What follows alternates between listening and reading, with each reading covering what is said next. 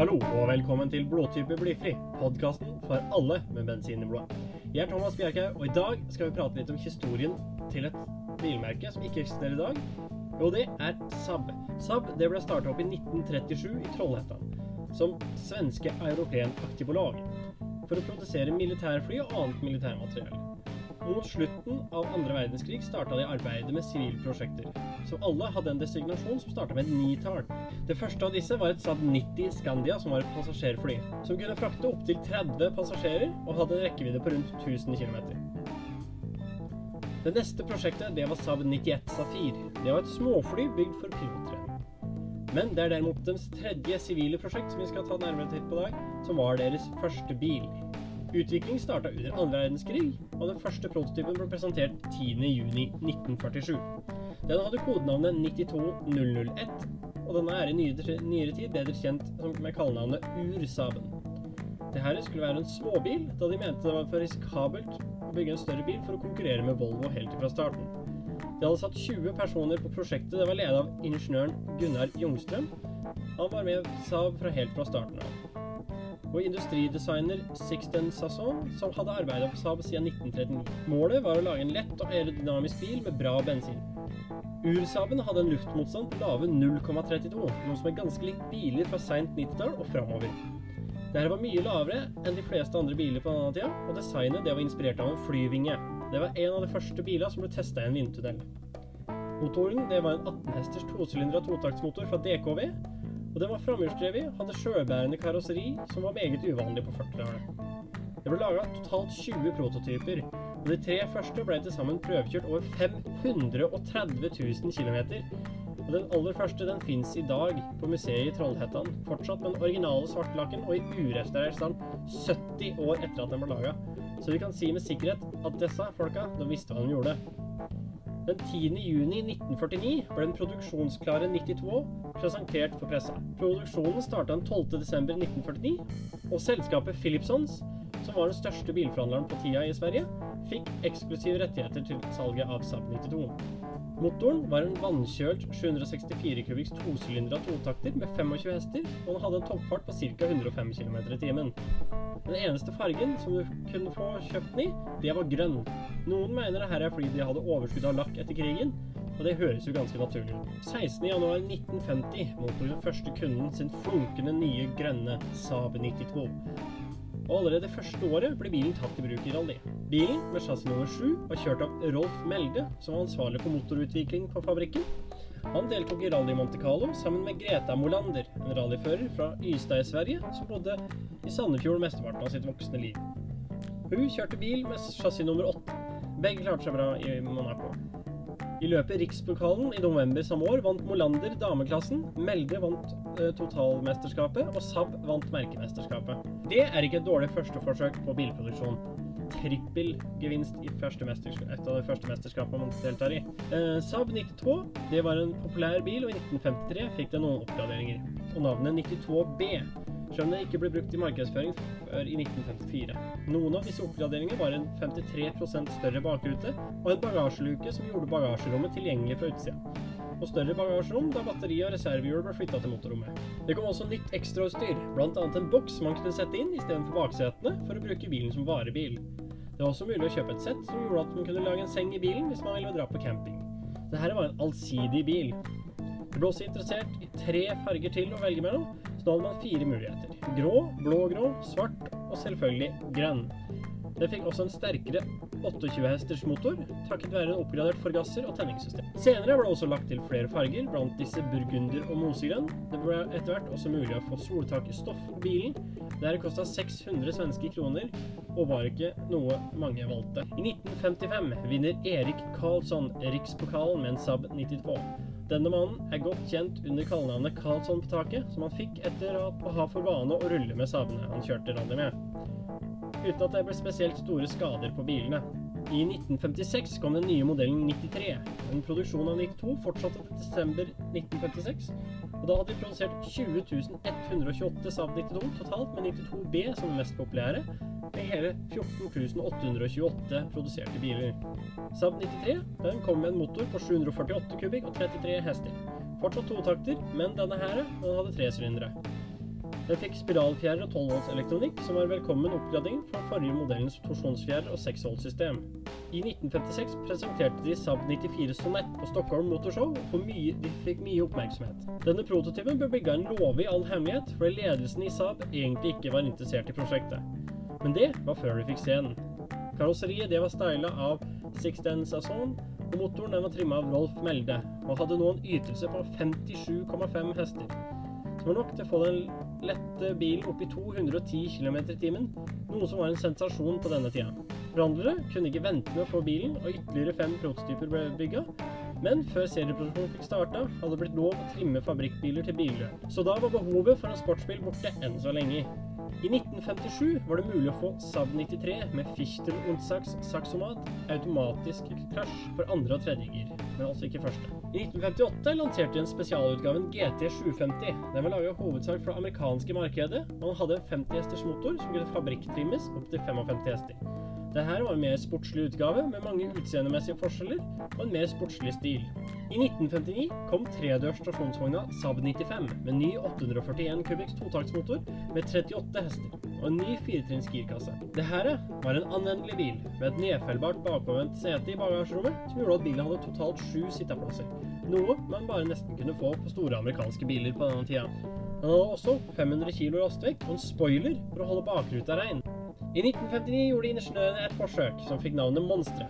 Det var en strippa Saab 93 som fikk to 741 kubikks motor tverrstilt sammenkobla i fronten og over 100 hester. Denne skal være målt til 196 km i timen, som var ganske så respektabelt, men det kan vi ikke bekrefte at det er sant. I 1960 ble det siste Saab 93 produsert. Dette året fikk det fronthengsel og dører, og da navnet 93F. For da kom den nye modellen Saab 96, som tok over dette var en todørs sedanutgave av 95 som kom året før, Men den hadde samme motor og drivverk. Fronten på både 95 og 96 var ganske lik 93, men bakenden på 96 var gjort større, som ga bedre plass i både baksetet og bagasjerommet. 95 var naturlig nok den største bilen, ettersom det var en stasjonsvogn. I 1960 utvikla Saab en Formula Junior-bil med en 841 kubikks motor med 86 hester, som drev framhjula. Denne hadde også monocoque-chassis, selv om de andre konkurrentene brukte rørrammer. Dette var ingen suksess, og de ga seg etter to sesonger. Erik Karlsson han deltar i Rally Monte Carlo med Saab 95 i 1961 og havner på fjerdeplass. I 1962 og 1963 deltar han med en 96 og vinner begge åra. I 1966 kommer Saab Sonett 2, som blir produsert i 28 eksemplarer og har en 55 hesters totaktsmotoren fra 96 Monte Carlo, som er etterkommeren til 93 GT 750. I 1967 ble det introdusert en V4-motor som Saab hadde kjøpt fra Ford. Denne motoren her var på 1,5 liter og hadde en ytelse på 65 hester, og det ble en suksess med en gang. Totaktsmotoren var fortsatt tilgjengelig noen år etter, men de fleste valgte E4-en. Denne motoren ble valgt ettersom det passa greit inn i motorrommet foran framakslingen, som var nødvendig da både totakteren og den nye firetakteren var rettstilt med framhjulsdrift. De beholdt girkassa fra totakteren, som gjorde at også firetaktsbilene hadde frihjulsfunksjon. Noe som strengt tatt ikke var nødvendig, men det kunne gi lavere bensinforbruk da bilen trilla lettere. Men funksjonen kunne kobles ut med en spak ved siden av gasspedalen. Saab så nå at det kunne være marked for en større modell, og utvikla den nye modellen som skulle få navnet 99. Og Produksjonen ble starta i 1968 som 69-modell. Denne hadde firesylinder rekkemotor levert for Triumph. Den var montert i et 45 graders vinkel, og denne vinkelen her den kommer av at Triumph utvikla en V8-motor med samme komponenter, så en halv V8. Motoren var jo også montert bakvendt i motorrommet, altså med registeret mot torpedoveggen og svinghjulet mot grillen. Og i girkassen den satt under motoren med kjedeoverføring fra motoren. Dette var en todørs sedan som fortsatt hadde en gjenkjennelig Saab-formen. Det var også den siste bilen som Sixten Sasson designa før hans død i 1967. Det var også i 1969 at Saab AB og AB Scania Vavis slo seg sammen og ble til Saab Scania AB. De åpner også en fabrikk i Finland i samarbeid med Valmet. Som 1970-modell så kommer 99 nå med automatgir, og i 99 E-utgave med elektrisk bensininnsprøytning. I februar 1970 har Saab produsert 500 000 biler totalt, og i april lanserer de 99 i firedørsutgave Sonett 3. Etter mye kritikk for designet på Sonett 2 bestemte Saab seg for å leie inn den italienske designeren Sergio Coggiola til å oppdatere designet for nye Sonett 3. Teknisk sett så var det her samme bilen som tidligere, bare med nytt karosseri. Saab introduserer i 1971 lykteviskere, oppvarma førersete og sjølreparerende støtfangere som de har utvikla sjøl, og de skal rette seg ut ulykker under 8 km i timen. Og en ny 1,85 liters motor kommer i 99. Det var mye problemer med den Triumph-motoren de brukte før.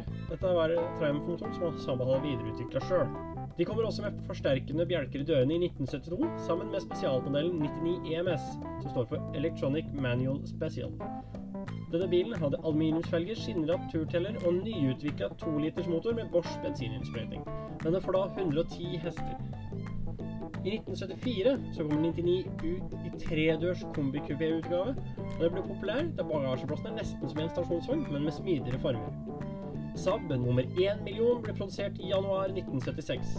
I 1978 kommer Saab 99 med turbomotor, og er regna som en av de første personbilene med turbo. Samme år slutter produksjonen av Saab 95, og den velkjente 900 blir introdusert og går i produksjon som 79-modell. Denne 900 der var basert på 99 med ny framende, og den kom som tre- og femdørs kombikupé, og man kunne velge mellom fire motorer. To med forgassere på 100, 108 hester, én med bensininnsprøytning og 118 hester, og selvfølgelig den kjente og kjære turbomotoren på 145 hester. I 1980 avsluttes produksjonen av den nå tilårskomne 96-modellen, som hadde vært på markedet i 20 år allerede. Det er nå mulig å få en 900 med femtrinns girklasse. Saab avslutter også sin vellykkede rallykarriere dette året. I 1982 kommer de med en nyutviklet teknologi på turbomotorer som heter APC. Det står for Automatic Performance Control, som overvåker motoren for å unngå tenningsbank og justerer turbotrykket, avhengig av hva slags bensin bilen går på. Da kan man unngå å være avhengig av tilgang til høyoktan bensin. I 1984 kom utgaven Saab 900 Turbo 16, som introduserte en nyutvikla 16-ventilersmotor med turbo og intercooler som hadde 175 hester. Denne gikk ganske bra. I 1985 kom den nye store Saaben, 9000. Samtidig skifta 99 navn til 90 for å ha en sammenheng i navnet. Så nå hadde vi modellene 90, 900 og 9000. Denne nye bilen var utvikla i samarbeid med Fiat, Lancia og Alfa Romeo. Til tross for dette er det få deler som passer overens, da alle gikk hver sin vei med bilene, og Saab jobba naturlig nok med å lage en sikker bil. Denne fikk en tverrstilt 2 liters 16-ventilers motor med nyutviklet Direct Ignition-systemet med én coil for hver sylinder. Dette var en femdørs kombikupé som var litt kortere enn 900, men med større innvendig plass takket være den tverrstilte motoren. 1987 avsluttet Saab produksjonen av den aldrende modellen 90. 900 kommer nå også som kabriolet, og 9000 ble første bilen med framhjulsdrift som får ABS. Den fikk også vannkjølt turbo, som gjorde bilene mer pålitelige, og muligheten for automatgir. Den vannkjørte turboen kommer også i senere år på 900. I 1988 kom automatiske beltestrammere som enda en sikkerhetsfunksjon. Og 9000 CD blir lansert som en sedanutgave av 9000, som nå blir kalt for 9000 CC for kombikupé. Det blir uttalt at CD står for Classic Design. Denne er kun tilgjengelig med turbomotor de første årene, og i 1989 kjøper General Motors 50% av aksjene i Saab AB og døper om firmaet til Saab Automobil AB for å skille det fra Saabs andre avdelinger, Saab Technology og Scania AB. I 1990 vinner Saab 9000 Folksam forsikringspris for sikreste bil, og det er en pris som blir delt ut annethvert år. 9000 vinner prisen igjen i 1992 og 1994. I 1992 kommer den nye 9000 CS ut, som er en facelift av tidligere 9000 CC, med lavere font og mer moderne utseende. De lanserte også sin egen motorstyring, som fikk navnet Trionic, og ikke minst modellen 9000 Aero, som var den raskeste Saaben produsert fram til da. Med en 2,3 liters turbomotor og 225 hester og toppfart på 240 km i timen. Den nye Saab 900 avløser den gamle modellen i 1994 og er produsert på samme plattform som Opel Vectra. Det er likevel ikke mye likheter mellom disse to bilene. Den ble først introdusert som en femdørs kombikupé, men tredørs og kabriolet-utgave kom like etter. Motorene var samme Trionic 5-motorene som i 9000 i 2 og 2,3 liters utgaver, både uten turbo, med lavtrykksturbo og høytrykksturbo. Og effekt som varierte fra 131 til 225 hester. Det var også mulig å få den med 2,5 liters V6 fra General Motors. Og i 1998 så blir 9000 erstatta av den nye 95, som kommer som stasjonsvogn og sedanutgave. Den er tilgjengelig med bensinmotorer på 150, 170, 190 og 200 og 230 hester fra starten, alle med turbo. Bilene ble fort populære blant politiet, sannsynligvis pga. sikkerheten, bra effekt fra motorene og god plass. Samtidig, i 1998, skifta 900 navn til 93 for å henge sammen med 95, med noen små kosmetiske endringer. Og i 2000 kjøpte GM opp de resterende 50% av Saab Automobil AB, og var da heleier i selskapet. I 2002 kom andre generasjon 93 fortsatt utvikla på samme plattform som Opel Vectra, men nå kom den som sedan. Senere kom også kabriolet og stasjonsvogn. Samtidig fikk 95 en 2,2 liters dieselmotor fra Opel og en Isuzu 3 liter V6 dieselmotor. Den nye 93 kom med helt nye motorer. Blant disse en 1,8 i, som var en 1,8 liters Opel-motor uten turbo med 122 hester. 1,8 T, som var en 2 liter motor med turbo og 150 hester. 2 liter T, som også var en 2 liter turbo med 175 hester. Og 2 liter med stor T, som var en 2 liter turbo med 210 hester. Disse var også tilgjengelige i biopower-utgaver, som ville gå på bensin og E85. Effekten på E85 var ca. 20-25 hester mer enn det den var på bensin. Det var også tilgjengelig en 2,2 liter dieselmotor, men den erstatta allerede i 2004 med andre alternativer. I 2004 ble det som et forsøk på å gjøre Saab mer lønnsomt for General Motors introdusert to nye modeller. Den ene fikk navnet 92X. Det var en Subaru Impresa stasjonsvogn med Saab-front og modifisert interiør. Den ble ofte kalt Sabaru pga. det her. Den andre modellen det var en SUV som fikk navnet 97X. Den var ment for det amerikanske markedet, når du trengte erstatter for Oldsmobile Bravada, ettersom GM la ned Oldsmobile det året. Det var nesten samme bil som Chevrolet Trailblazer, med litt utseendemessig forandring, for å se ut som en Saab. Ingen av disse ble noen stor suksess. Også i 2004 kom 93 med dieselmotorer fra Fiat på 1,9 liter, med 120 og 150 hester. Nå var det rolig rundt Saab en periode pga. økonomien, hadde GM satt en stopper for lansering av nye modeller. Og i 2008 annonserte GM at de vurderte å selge eller legge ned merket. Det var i starten mange interesserte, bl.a. BMW, Fiat, Hundai, Renault og Tata Motors. Men de endte opp med å begynne å diskutere med Königsegg om et mulig kjøp. I 2009 ble det annonsert at Königsegg, sammen med en norsk investorgruppe og den kinesiske bilprodusenten BAIC, skulle kjøpe merket. Men pga. mye usikkerhet og kommunikasjonsproblemer rundt kjøpet endte de med å trekke ut. Den 26.1.2010 hadde GM inngått en avtale med den lille bilprodusenten Spiker om salg av Saab Automobil AB. De skulle fortsette å levere motor og deler til Saab. De starta opp produksjonen av den nye 95, som var bygd på samme GM-plattform som Opel Insignia. Denne var tilgjengelig som sedan, med en stasjonsvogn under utvikling. Motorene var en 1,6 liters bensinturbo med 180 hester, en 2 liter bensinturbo med 220 hester og 2,8 turbo V6 bensin med 296 hester. 2-literen var også tilgjengelig som biopower-utgave. Det var også mulig å få bilen med to dieselmotorer på 158 og 187 hester. Tidlig i 2011 begynte Saab å gå tom for penger, og Spiker klarte heller ikke å skaffe penger. Regninger ble ikke betalt, og 30. mars stoppa flere leverandører å sende deler, og 5. april stoppa produksjonen på fabrikken. Spiker forsøkte å få til avtale med kinesiske bilprodusenter, men da ga GM klar beskjed om at ethvert samarbeid med Kina ville stoppe alle deleleveranser. Da fikk de ikke til noen avtaler, og Saabs konkurs var et faktum. Stasjonsvognen av 95 ble aldri satt i produksjon, men noen av prototypene har blitt registrert i ettertid. Men det var ikke helt slutt enda. Den 13.6.2012 kjøpte selskapet Nevs National Electric Vehicle Sweden opp konkursboet til Saab Automobil AB, og de fikk ikke tillatelse til å produsere 95-en, og heller ikke tillatelse av Saab Technology AB og Scania AB til å bruke Griffin-logoen som Saab hadde brukt i mange år. Planen var å produsere elektriske biler basert på 93-modellen. De satte i gang en begrensa produksjon av 93 Aero med bensinmotor i desember 2013 fordi bilen ikke lenger var godkjent krasjtesta av Euro NCAP, og det var salget begrensa i Europa til 1000 biler. Planen var også å selge bilene i Kina. Lykken skulle derimot ikke vare lenge, for i juni 2014 ble det offentliggjort at de var skyldige 10,4 millioner svenske kroner til delleverandører. I august var Saab konkurs, og lisensen for bruk av navnet ble sagt. Nevs derimot eksisterer enda. De starta tidligere i år opp produksjonen av sin elbil Nevs 93, som er en utseendemessig oppgradert 93 med elmotor. Denne blir ikke produsert i Trollhättan, men i Kina, som er hovedmarkedet for denne bilen. Og Det oppsummerer historien til Saab. Personlig så har jeg alltid vært tilhenger av merket Saab, og jeg har sjøl eid to stykk 9000. Den ene var en 9000 CC 2,0i, og den andre var en delebil. var en 9000 CS 2 liter lavtrykksturbo. Det var lykkelig eierskap så lenge det varte. Eh, dessverre så endte det opp med motorhavari på bruksbilen omtrent samtidig som jeg flytta, og da hadde jeg ikke muligheten til å få med bilen eh, når jeg flytta, for jeg klarte ikke å få noen til å hente dem, så da endte de opp på Høgern. Men det var veldig gode biler, og jeg er veldig glad, var veldig glad i bilen. og var god å kjøre, behagelig og fin. Og den gikk greit nok, i hvert fall for en 19-åring. Vi bør nok ikke ha noe som gikk så veldig mye mer. Det var nok bra. Det, turboen var bare delbil, selv om det var bare en 150 hesters.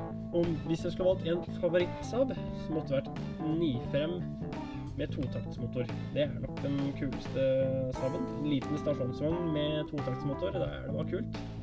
og og sjuseter og alt mulig. Um, men hva syns du om Saab? Hva er din favoritt-Saab? Kommenter på Facebook-sida Blodtype blyfri. Og liker du podkasten, er jeg veldig takknemlig om du deler den. Følg med på nye oppdateringer på nettsida blodtype-blyfri.com. Podkasten finner du på den sida, og også på anchor.fm og Spotify. Vi skal også prøve å få den på iTunes etter hvert. Da sier jeg bare takk for at du hørte på Blodtype blyfri. Jeg har vært Thomas Bjørkhaug. Ha en fantastisk dag videre.